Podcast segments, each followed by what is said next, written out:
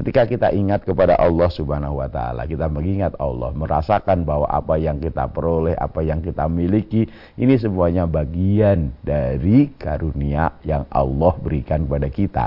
Maka kita menyebut Allah subhanahu wa ta'ala sang pemberi karunia, sang pemberi nikmat, maka insya Allah kemudian kita akan ingat kepada Allah. Kemudian kita akan bersyukur bahwa uh, segala yang kita miliki tidak lain adalah karunia dari Allah subhanahu wa ta'ala.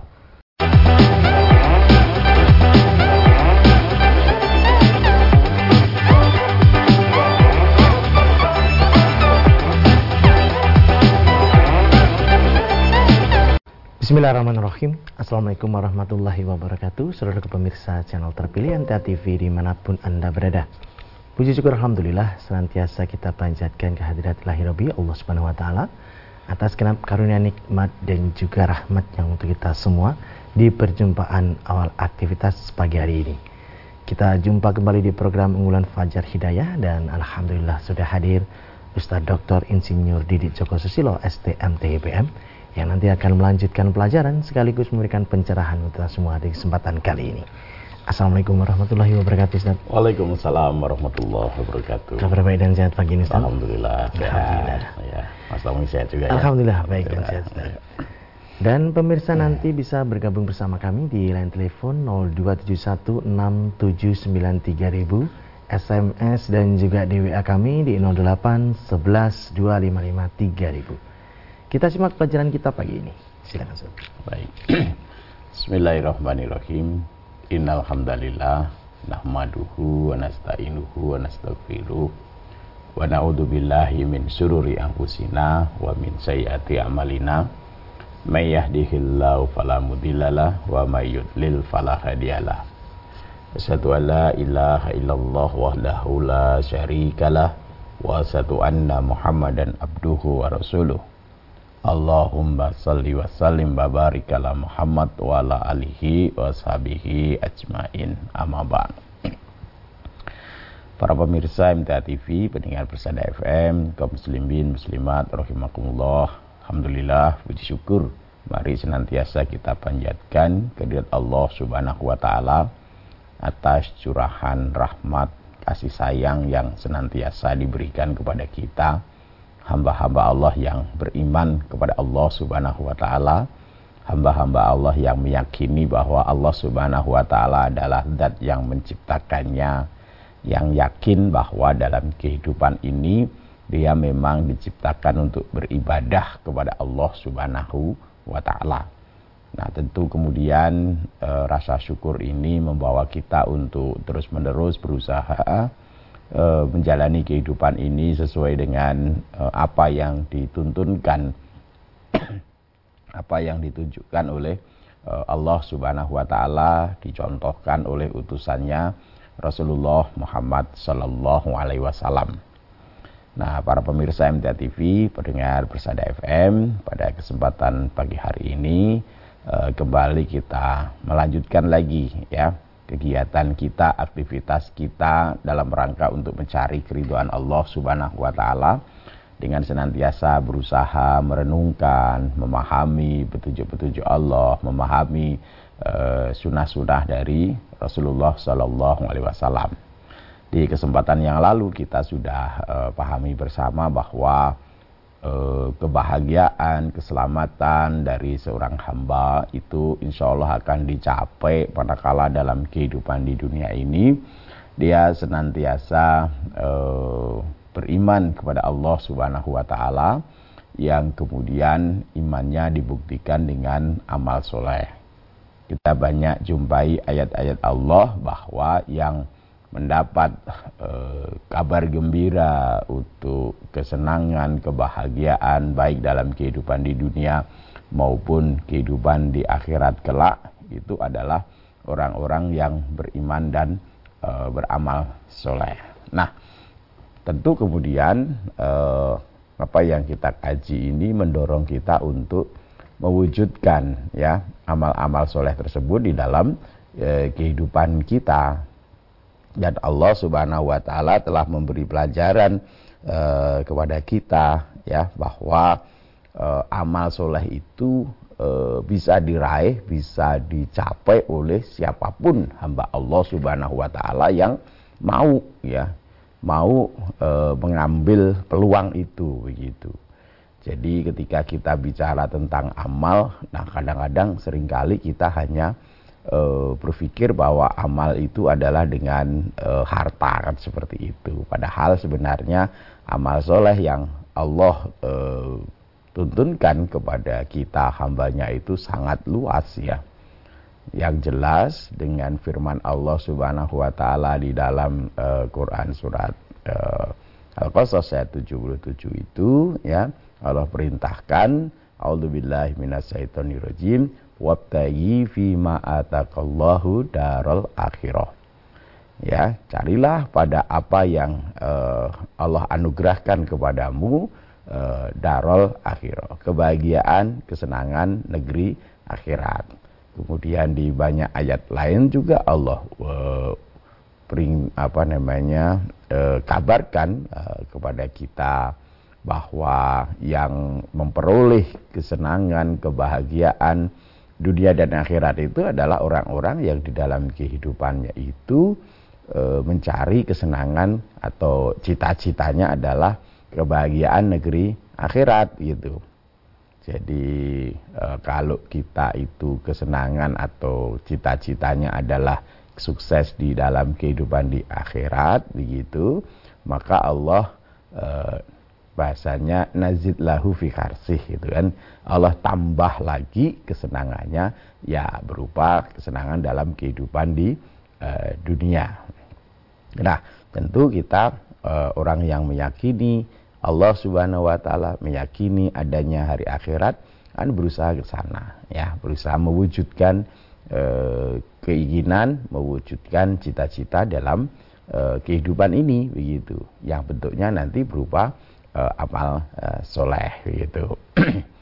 nah, amal yang pokok yang harus ada pada kita tentu adalah e, ingatan kita ataupun apa ya e, rasa kita bahwa kita ini e, hambanya Allah, bahwa kita ini di dalam setiap e, saat dalam kehidupan kita itu harus senantiasa ingat kepada Allah Subhanahu wa taala. Harus senantiasa zikrullah gitu. Nah, maka kita jumpai e, banyak petunjuk-petunjuk Allah, petunjuk Rasulullah sallallahu alaihi wasallam yang mengingatkan kita untuk senantiasa terus-menerus menyebut nama Allah sehingga kita di dalam setiap e, kegiatan kita atau aktivitas amal e, di dalam kehidupan di dunia itu senantiasa sadar bahwa kita ini adalah hambanya Allah. Karena setiap saat kita menghadirkan Allah Subhanahu wa taala di dalam e, kehidupan kita. Dan ini ada wujud dari e, keimanan kita. Maka di dalam uh, firman Allah Subhanahu wa taala Quran surat uh, Al-Azab ayat 41 42 Allah mengingatkan kepada kita hamba-hambanya yang beriman. Ya ayyuhalladzina amanu dzkurullaha dzikran katsiran wasabbahu bukrata wasila. Hai hey, hamba-hambaku ya, orang-orang yang beriman begitu ya. uh, berzikirlah, menyebutlah nama Allah gitu ya. Udkurullah, sebutlah nama Allah, zikron kasiron gitu kan. Dengan zikir yang sebanyak-banyaknya. Maknanya tentu eh, ketika kita lebih sering mengingat Allah, lebih sering menyebut nama Allah Subhanahu wa taala, dengan segala nama-nama baik yang dimiliki oleh Allah Subhanahu wa taala, Ar-Rahman, Ar-Rahim, Al-Malik, Al-Qudus dan seterusnya. Kemudian bertasbih ya. Wasabbahu bukrata wasila dan bertasbihlah kepadanya di waktu pagi dan petang Artinya kita biasanya beraktivitas di dalam kehidupan ini kan ketika keluar rumah kita di pagi hari sampai pulang rumah lagi nanti di petang hari, maka di sana e, senantiasalah kita berada dalam keadaan menyebut nama Allah, mengingat Allah Subhanahu wa taala begitu. senantiasa bertasbih, bertahmid, bertahlil, beristighfar, mohon ampun kepada Allah Subhanahu wa taala begitu. Sehingga dengan demikian maka e, kalau itu kita lakukan ya dengan tentu e, kesadaran ya e, dengan ingatnya kita bahwa Allah Subhanahu wa taala zat yang maha besar, Allah Subhanahu wa taala zat yang maha perkasa, Allah Subhanahu wa taala zat yang maha melihat, maka kemudian ini nanti senantiasa akan membimbing kita untuk senantiasa berada di dalam jalan-jalan kebaikan gitu loh. Apa pun atribut keduniaan yang pada saat ini sedang Allah titipkan kepada kita gitu loh. Kalau kita senantiasa menyebut nama Allah, berzikir, senantiasa ingat kepada Allah Subhanahu wa taala, maka atribut-atribut yang ada pada kita ya dari keduniaan ini tidak membuat nanti kita lupa diri ya. Tidak membuat kita kemudian menjadi sombong ketika Allah titipkan misalkan kekuasaan jabatan. Tidak menjadi sombong ketika Allah titipkan harta yang banyak. Karena kemudian ketika kita senantiasa berzikir kepada Allah bahwa yang maha kaya itu Allah Subhanahu wa taala Harta ini hanya titipan dari Allah Subhanahu wa taala. Amanah dari Allah Subhanahu wa taala untuk menguji apakah dengan titipan harta ini tetap ingat kepada Allah, tetap kemudian dibelanjakan di jalan Allah itu seperti itu. Ya. Demikian juga misalkan Allah titipkan kepada kita kedudukan, jabatan yang kita Allah berikan kekuasaan ya untuk mengendalikan manusia lain misalkan untuk memerintahkan manusia lain. Maka kemudian ketika kita senantiasa ingat, ketika kita senantiasa berzikir, ketika kita senantiasa menyebut nama Allah Subhanahu wa taala, maka kita rasakan bahwa apa yang ada di genggaman tangan kita, apa yang bisa jadi ada di lisan kita, misalkan kita perintahkan, "Oh, ke sana," semua orang ke sana. "Yuk ke kiri, orang ke kiri. Yuk ke kanan, orang ke kanan." Itu kita rasakan sebagai amanah yang nanti akan dimintai pertanggungjawaban oleh Allah Subhanahu wa taala. Ya. Kau gunakan untuk apa itu kekuasaanmu, kekuatanmu, tanganmu seperti itu. Ya, lesanmu begitu. Apakah digunakan untuk e, membawa manusia pada ketaatan kepada Allah Subhanahu wa taala? Apakah kau gunakan untuk memerintahkan ya mengajak manusia untuk tunduk patuh kepada Allah Subhanahu wa taala atau kadang-kadang dengan kekuasaan yang kita miliki, jabatan yang kita miliki, kemudian muncul rasa bangganya, rasa tinggi hatinya, oh saya yang kuasa, begitu. Oh, saya ini merasa kemudian seolah-olah kedudukan jabatan itu akan mengekalkannya sehingga dia kemudian berbuat semaunya begitu. Tidak sadar, tidak ingat bahwa apa yang ada dia kuasai, apa yang dia miliki itu hanya sebentar saja begitu. Kekuasaan itu ada pada kita sebentar. Jabatan itu ada pada kita sebentar. Harta pun juga ada pada kita juga tidak lama begitu. Maka ketika kemudian kita senantiasa ingat kepada Allah Subhanahu wa taala dalam bentuk kita senantiasa menyebut nama Allah, berzikir, ketika kita akan menggerakkan menggunakan kekuasaan kita, kita ingat bahwa saya nanti dimintai pertanggungjawaban oleh Allah bahwa saya nanti akan kembali kepada Allah Subhanahu wa taala. Maka kemudian apa yang Allah titipkan amanah itu akan digunakan ya untuk taat kepada Allah Subhanahu wa taala, bukan untuk berbuat sewenang-wenang, bukan untuk e, menunjukkan bahwa oh saya lu yang kuasa nah, seperti itu, bukan begitu. Demikian juga nikmat yang lain yang Allah berikan kepada kita.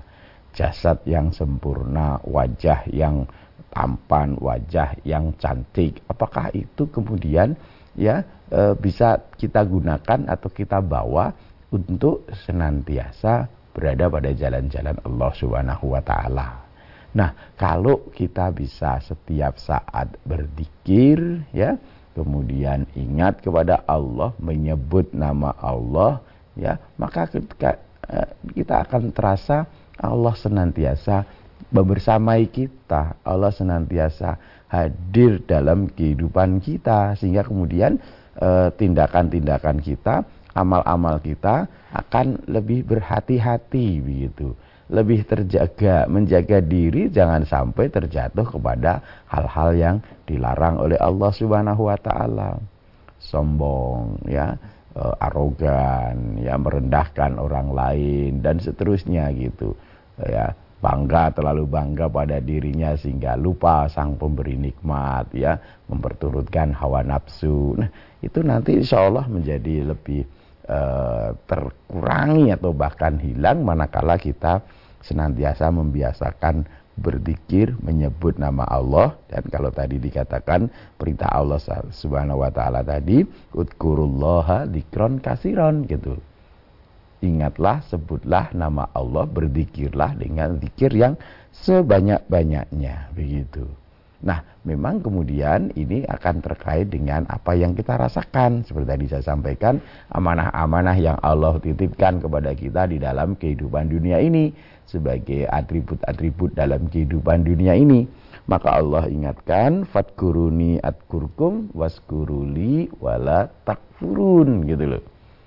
Ketika kita ingat kepada Allah Subhanahu wa taala, kita mengingat Allah, merasakan bahwa apa yang kita peroleh, apa yang kita miliki, ini semuanya bagian dari karunia yang Allah berikan kepada kita. Maka kita menyebut Allah Subhanahu wa taala sang pemberi karunia, sang pemberi nikmat, maka insya Allah kemudian kita akan ingat kepada Allah. Kemudian kita akan bersyukur bahwa Eh, segala yang kita miliki tidak lain adalah karunia dari Allah Subhanahu wa taala. Kita syukuri, kita ingat apa yang dikehendaki oleh Sang Pemberi nikmat itu. Apa yang diperintahkan oleh Sang Pemberi nikmat. Wala takfurun. Maka Allah ingatkan jangan kamu kufur ya, jangan kamu ingkar bahwa kedudukan yang kamu miliki, ya, jabatan yang kamu miliki, pangkat yang kamu miliki itu semuanya anugerah, karunia dari Allah Subhanahu wa taala. Harta yang kamu miliki, karunia yang Allah berikan kepadamu. Ketampanan, kecantikan yang kamu miliki itu karunia dari Allah Subhanahu wa taala gitu.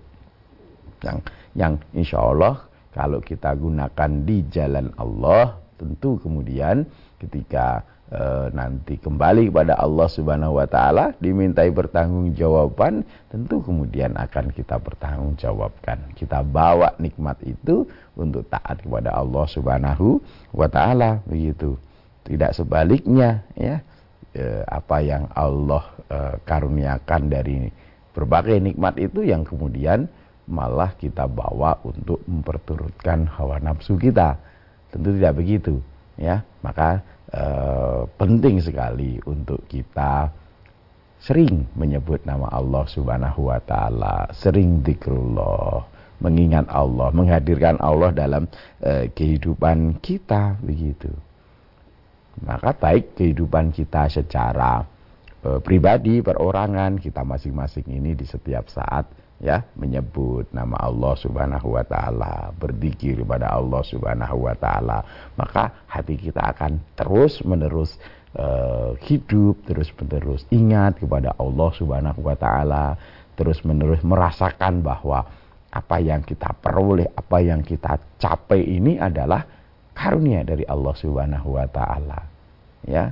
Maka uh, dalam sebuah hadis Rasulullah Shallallahu alaihi wasallam e, menyebutkan ya di dalam hadis riwayat Bukhari. An Abi Musa al Asari radhiyallahu an anin Nabi sallallahu alaihi wasallam qala masalul ladzi yadhkuru rabbahu walladzi la yadhkuruhu masalul hayy wal mayyit gitu kan ya.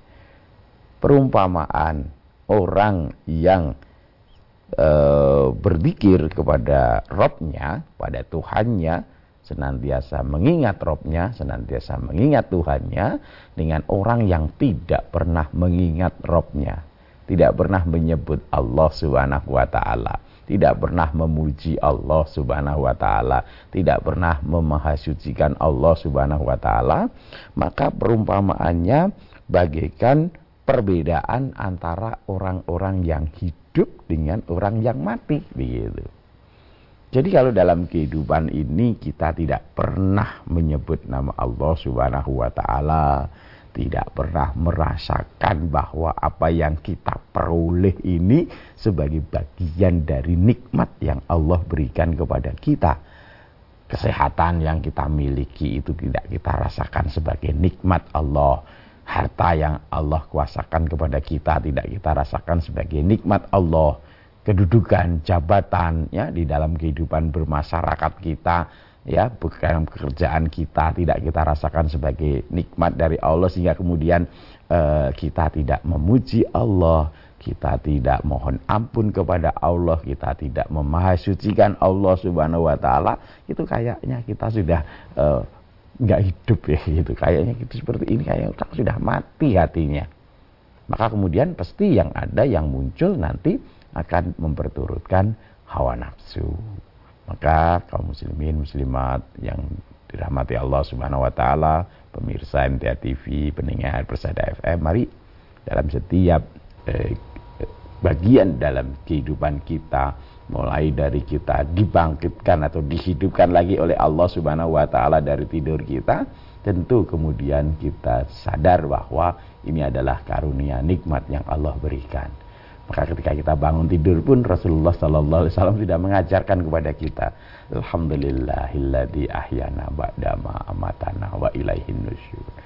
Ya, kita sadar bangun ini ah, karunia dari Allah Subhanahu wa taala bisa dihidupkan lagi. Mungkin sebagian saudara kita sudah tidak mendapat kesempatan untuk hidup lagi.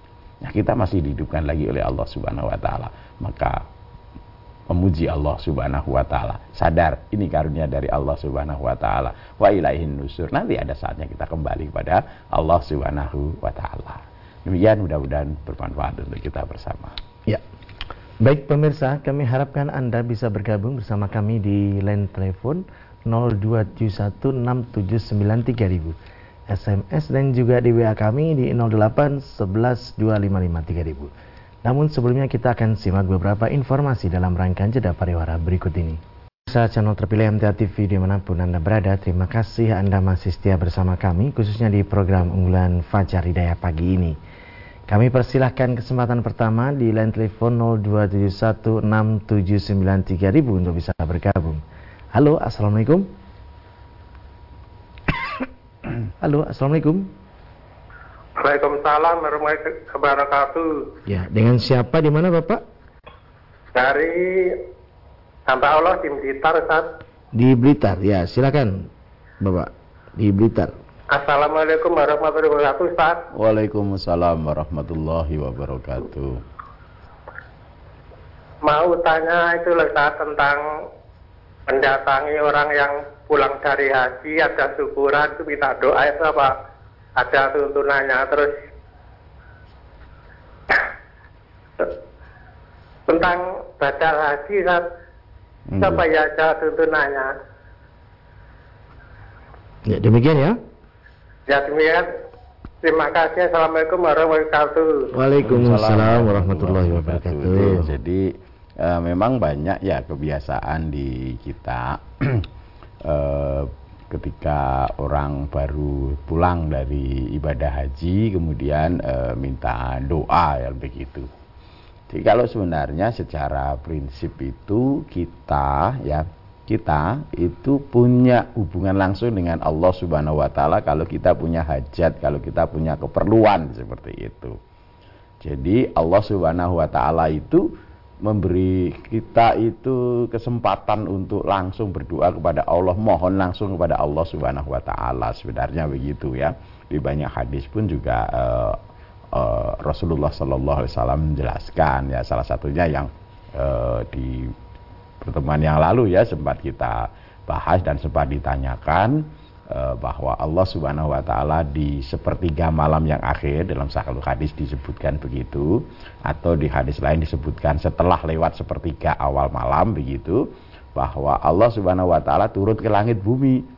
Kemudian e, memperhatikan hambanya mana hamba yang bangun sholat malam. Kemudian kalau dia berdoa kepadaku aku kabulkan. Dia mohon ampun kepadaku aku ampuni. Nah nah tentu di sana e, setiap uh, kaum muslimin, muslimat, orang yang beriman kepada Allah Subhanahu wa taala punya kesempatan yang uh, sama untuk berdoa langsung pada Allah Subhanahu wa taala. Atau di selesai sholat fardu itu juga kesempatan kita berdoa kepada Allah Subhanahu wa taala.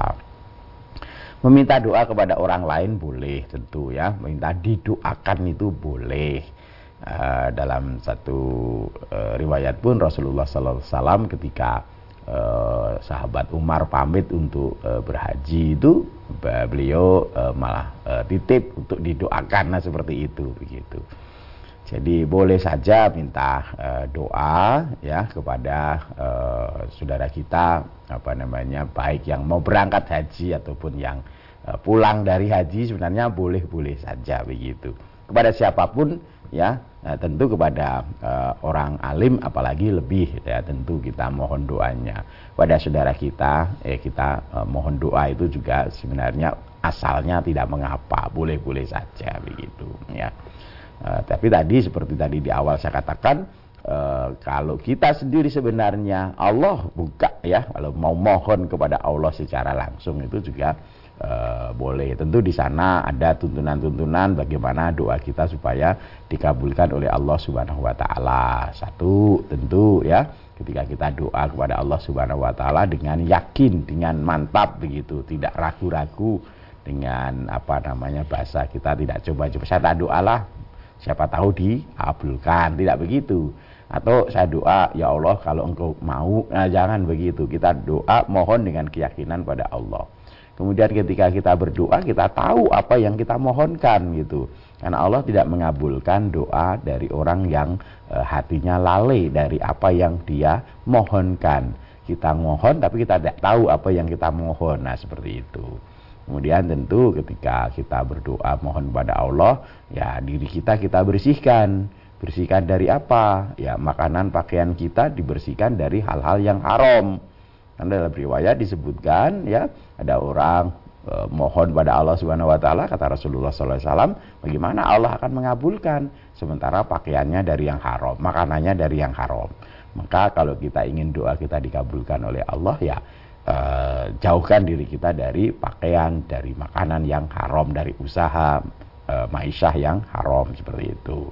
Kemudian ketika kita berdoa biasanya dengan menyebut nama-nama Allah Subhanahu wa taala dengan bersolawat kepada Rasulullah Shallallahu alaihi wasallam. Dan, dengan begitu doa kita dikabulkan begitu. Jadi eh, kita punya ya, punya apa namanya? Eh, sarana untuk langsung mohon kepada Allah Subhanahu wa taala begitu apa. Kemudian mengenai badal haji memang ada beberapa uh, perbedaan pendapat di kalangan para ulama begitu. Ada yang memperbolehkan berdalil pada satu riwayat ya. Memang ada seseorang yang uh, keluarganya ya ibunya siapa itu sudah meninggal yang kalau seandainya dia meninggal nanti akan apa namanya haji begitu seperti itu. Kemudian bertanya kepada Rasulullah bagaimana kalau saya hajikan? Boleh? Seperti itu. Dengan dasar itu maka ada yang membolehkan badal haji dengan e, beberapa persyaratan dan seterusnya seperti itu. Tetapi e, ada ulama yang lain yang apa namanya ya tidak perlu badal haji itu. Kenapa? Karena setiap orang akan beramal untuk dirinya sendiri gitu kan. Ya. E, panik tada fa inama tadi linafsih ya. E, Barang siapa yang beramal sesuai dengan petunjuk Allah, maka untuk dirinya sendiri. Wa man fa inama alaiha. Barang siapa berbuat kesesatan untuk dirinya gitu kan. Man amila solihan fali nafsi. Barang siapa yang berbuat baik, beramal soleh, itu untuk dirinya gitu. Wa man asa'a fa alaiha. Barang siapa berbuat buruk, uh, untuk dirinya sendiri. Nah, haji itu salah satunya juga aktivitas-aktivitas yang dilakukan dengan fisik begitu. Ada syaratnya di sana ada uh, orang mampu, mampu biayanya, mampu perjalanannya, mampu uh, bekal untuk uh, apa namanya keluarga yang ditinggalkan. Jadi fisiknya harus ada begitu. Contohnya orang, orang haji kalau tidak wukuf di Arafah haji hajinya tidak sah gitu, sakit aja dibawa dan seterusnya. Maka uh, sebagian ulama berpendapat ya tidak perlu badal haji itu. Kalau misalkan kita uh, punya apa namanya niat berangkat kemudian sebelum berangkat uh, Allah panggil, ya sudah selesai urusan kita begitu. Ya mudah-mudahan niat yang sudah kita lakukan itu uh, sudah dinilai sebagai satu kebaikan dari Allah Subhanahu wa taala. Demikian Bapak, jadi memang ada dua pendapat para ulama kaitannya dengan badal haji ini. Demikian Bapak. Ya. Berikutnya pertanyaan dari SMS dan WA dari Bapak Simin di Madiun. Ustaz, bagaimanakah kalau sholat kita tidak diterima karena tidak sempurna? Apakah masih bisa kita masuk surga dengan amal lainnya? Hmm. Dan apa ada hadis dan Al-Quran yang menjelaskannya Ustaz? Uh, kita tidak tahu ya uh, apakah amal kita diterima oleh Allah Subhanahu wa taala apa tidak itu kita kan tidak tahu sampai sekarang ini. Maka yang harus ada pada diri seseorang itu adalah rasa khauf ya, rasa khawatir kita jangan-jangan sholat saya tidak diterima ini begitu. Tetapi pada saat yang sama juga ada rasa rojak, ada rasa pengharapan kita bahwa kita pengen ya apa yang kita lakukan ini diterima oleh Allah Subhanahu wa taala, diridhoi oleh Allah Subhanahu wa taala, dicintai oleh Allah Subhanahu wa taala. Maka terus bagaimana? Nah, yang harus kita lakukan adalah terus-menerus memperbaiki sholat kita. Kalau tadi dikatakan karena kalau tidak sempurna, apa yang menjadikan sholat kita tidak sempurna? Mari kita perbaiki begitu. Misalkan kita sholatnya kadang-kadang sering tergesa-gesa. Ayo sekarang kita renungkan, kita perhatikan sholat kita. Jangan sampai sholat kita tergesa-gesa begitu karena Nabi Shallallahu Alaihi Wasallam juga mengajarkan kalau sholat jangan tergesa-gesa, harus tumak nina. Nah kita latih supaya kita tumak nina. Salah satunya perhatikan gerakan sholat kita, jangan tergesa-gesa. Perhatikan bacaan kita, ya sempurnakan bacaan kita Jangan bacaannya belum selesai, ya misalkan baca Qurannya belum selesai sudah langsung ruku. Baca tasbih rukuknya belum selesai, baru saja ruku mau hampir lurus sudah uh, itidal sami Allah liman hamidah. Jangan begitu. Mari kita perbaiki sholat kita sehingga uh, menjadi semakin baik, semakin baik ya, semakin khusyuk, semakin tertib sholat kita. Mulai dari persiapannya, mulai dari wudhunya diperbagus, kemudian sholatnya ya ketika kita mau berangkat sholat ya kita berbagus baik pakaian kita baik eh, kita lihat banyak contoh-contoh dari Rasulullah Sallallahu Alaihi Wasallam. Misalkan kalau ke masjid pakai pakaianmu yang terbagus. Itu satu indikasi bahwa kita ya persiapkan kalau kita mau berangkat sholat. Pakai pakaian yang terbagus jangan asal-asalan begitu kan jangan misalkan ya apa namanya eh, bajunya asal-asalan sarungnya asal-asalan celananya asal-asalan. Enggak. Kita siapkan ya pakai baju kita yang terbagus. Pakai minyak wangi loh ada tuntunan dari Rasulullah Sallallahu Alaihi Wasallam kalau ke masjid itu para laki-laki itu pakai minyak wangi begitu. Ini menunjukkan apa? Indikasi untuk kita e, melakukan yang terbaik di dalam sholat kita begitu. Perhatian kita kepada sholat kita begitu selain kemudian uh, husuknya ada di sana.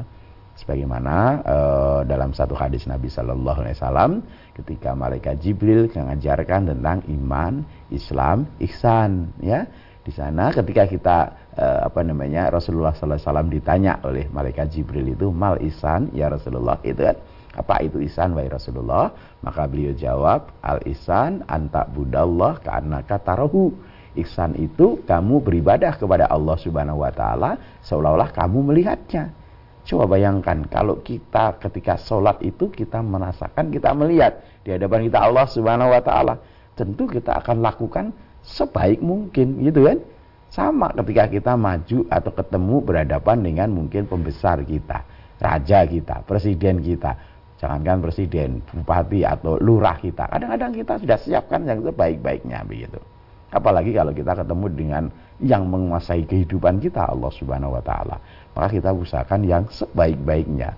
Anta budallah karena fa ilam takun fa innahu yaroka kalau kamu tidak bisa merasakan kamu melihat Allah Subhanahu wa taala maka rasakan bahwa dia Allah Subhanahu wa taala melihatmu jadi ketika kita sholat itu kita rasakan dalam pikiran kita bahwa saat dilihat oleh Allah Subhanahu wa taala, saat diperhatikan oleh Allah Subhanahu wa taala. Sehingga kemudian oh bajunya oh pakai yang bagus. Eh, badannya siapkan eh, rambutnya disisir gitu kan kalau pakai baju pakai baju yang bagus jangan miring-miring asal miring mangkat gitu kan enggak gitu kita siapkan sebaik-baiknya sehingga kita apa ya mencari nilai di hadapan Allah Subhanahu wa taala dengan yang terbaik begitu. Nah, kalau itu kita lakukan insya Allah uh, mudah-mudahan sholat kita menjadi semakin baik. Kemudian kita juga yakini mungkin keadaan kita tidak selamanya sholat wajib kita baik. Maka Rasulullah tuntunkan kalau begitu tambahi sholat sunnah. Maka jangan diabaikan sholat sunnah. Meskipun itu sunnah, dalam suatu riwayat dikatakan Allah Subhanahu wa taala ya ketika melihat hamba itu sholat fardunya bolong-bolong tidak baik maka kemudian perhatikan dia ada sholat sunnahnya enggak? Gitu loh. Nah ketika kemudian dicek sholat sunnahnya ada nah sholat sunnah kita itu nanti akan e, memperbaiki atau mengenapi mungkin sholat fardu kita yang kadang-kadang e, tadi saking tergesa-gesanya sehingga bacaannya tidak sempurna gerakannya tidak sempurna gitu. Bisa jadi suatu saat kita merasakan itu dalam keadaan misal di aktivitas pekerjaan kita, diburu pekerjaan, kemudian sholatnya tergesa-gesa sehingga tidak sempurna dan seterusnya. Seperti itu Bapak. Mudah-mudahan nanti bisa ditutup dengan tadi sholat sunnahnya. Begitu. Demikian tadi Bapak yang bertanya. Ya. Berikutnya satu lagi ada kesempatan di WA, di WA dan SMS dari Bapak Marianto, Sumedang, Jawa Barat. Hmm. Ustadz, saya sering melihat di masyarakat melaksanakan sedekah bumi, membawa tumpeng ke kuburan hmm. yang katanya dikeramatkan dan berdoa dengan doa secara Islam. Hmm. Saya tidak menyalahkan dan juga tidak membenarkan serta tidak ikut-ikutan karena memang belum tahu tuntunannya Ustadz. Yang pertanya, yang pertanyaan pertama, apakah yang demikian mencampur adukan yang hak dan yang batil? Dan yang kedua, apakah memang ada makam yang hmm. dikeramatkan Ustaz. Yang pertama apa yang Bapak lakukan sudah betul ya. E, tidak mengikuti, tidak menyalahkan. Kenapa? Karena Allah Subhanahu wa taala perintahkan kepada kita wala takfu ma laisa ilmun. Jangan kamu mengikuti sesuatu yang kamu tidak punya pengetahuan, tidak punya ilmu tentangnya begitu. Nah, saya juga sama dengan Bapak ya. Selama ini saya juga belum tahu e, tuntunan ya ada e, namanya sedekah bumi yang dituntunkan oleh Rasulullah Shallallahu Alaihi Wasallam. Tidak tahu gitu kan. Kalau ke kubur tuntunannya kita itu adalah ziarah kubur ya. E, ziarah kubur yang Rasulullah Shallallahu Alaihi Wasallam tuntunkan kepada kubur siapa saja.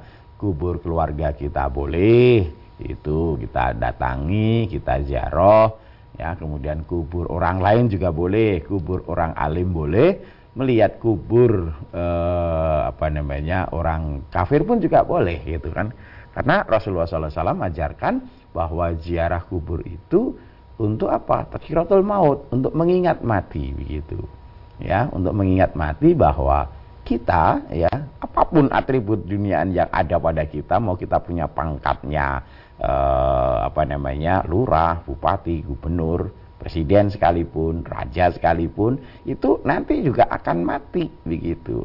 Akan mati kembali kepada Allah Subhanahu wa taala. Mau rakyat mati, mau raja juga mati begitu. Akan kembali kepada Allah Subhanahu wa taala. Mau orang miskin ya mati, orang kaya sekalipun ya yang dia bisa bayar dokter untuk menjaga dirinya, menjaga kesehatannya pun juga nanti akan mati begitu. Nah, itu untuk mengingatkan. Maka eh, dalam satu hadis Nabi Shallallahu Alaihi Wasallam mengingatkan kepada kita al kaisu mandana nafsahu wa amilah lima badal maut. Orang cerdas orang pinter itu adalah orang yang mampu menundukkan hawa nafsunya dan beramal untuk kehidupan sesudah mati. Begitu orang cerdas itu orang pinter begitu jadi tidak hanya melihat apa yang ada di dunia ini saja tetapi dia sudah mempersiapkan apa yang nanti dia akan bawa ketika mati amal solehnya dipersiapkan. Nah seperti itu. Nah, maka tadi ya sedekah bumi kita kami juga belum tahu tuntunan seperti itu begitu. Ya, apalagi biasanya didatangkan kepada kuburan-kuburan yang dalam tanda kutip dianggap keramat. Kita tidak tahu ya, kenapa dikeramatkan gitu karena kita e, memandang bahwa kuburan itu ya sama tempat kita mengubur saudara-saudara kita yang sudah e, meninggal. Kalau itu kuburan orang soleh tentu menjadi pelajaran pada kita. Ayo ketika kita hidup berbuatlah, beramallah ya sehingga menjadi soleh seperti e, saudara kita yang sudah dikubur begitu. Kalau yang kemudian kita lihat di kuburan itu adalah orang yang berbuat maksiat, berbuat jahat, tentu menjadi pelajaran pada kita. Orang kufur pada Allah Subhanahu wa taala pelajaran pada kita. Jangan kita nanti berbuat uh, seperti itu begitu. Kalau kemudian yang hak dengan yang batil dicampur ya betul nanti namanya talbisul hak bil batil begitu. Sesuatu yang e, misalkan kemudian e, jadi menyembah kubur kan begitu. Jadi minta doa kepada orang yang sudah mati yang tadi dalam tanda kutip dikeramatkan sehingga kemudian orang takut lewat ke dal, e, melewati kubur begitu dan seterusnya. Seperti itu. Ya nanti menjadi e, satu hal yang salah di dalam agama kita begitu. Yang harusnya tawakalnya kepada Allah, takutnya kepada Allah, malah takut kepada mungkin uh, yang dianggap keramat tadi sehingga gak berani lewat, takut di situ ada penunggu kuburnya dan seterusnya. Tentu itu tidak ada kebenarannya di dalam agama kita. Bisa tadi menuju kepada talbisul hak bil batil, mencampur yang hak dengan yang batil. Demikian Bapak, mudah-mudahan bisa dipahami. Ya. Baik Ustaz, kami sampaikan terima kasih atas tausiah dan pelajarannya pagi ini Ustaz. Assalamualaikum warahmatullahi wabarakatuh. Waalaikumsalam warahmatullahi wabarakatuh. Baik saudara ke pemirsa channel terpilih Anda TV di mana pun Anda berada. Demikian tadi telah kita simak dan ikuti bersama program unggulan Fajar Hidayah pagi ini. Kita jumpa kembali di kesempatan mendatang dan saya Tomar Fatani pamit undur. Alhamdulillah alamin subhanakallahumma wa bihamdika asyhadu alla ilaha illa anta astaghfiruka wa atubu Assalamualaikum warahmatullahi wabarakatuh.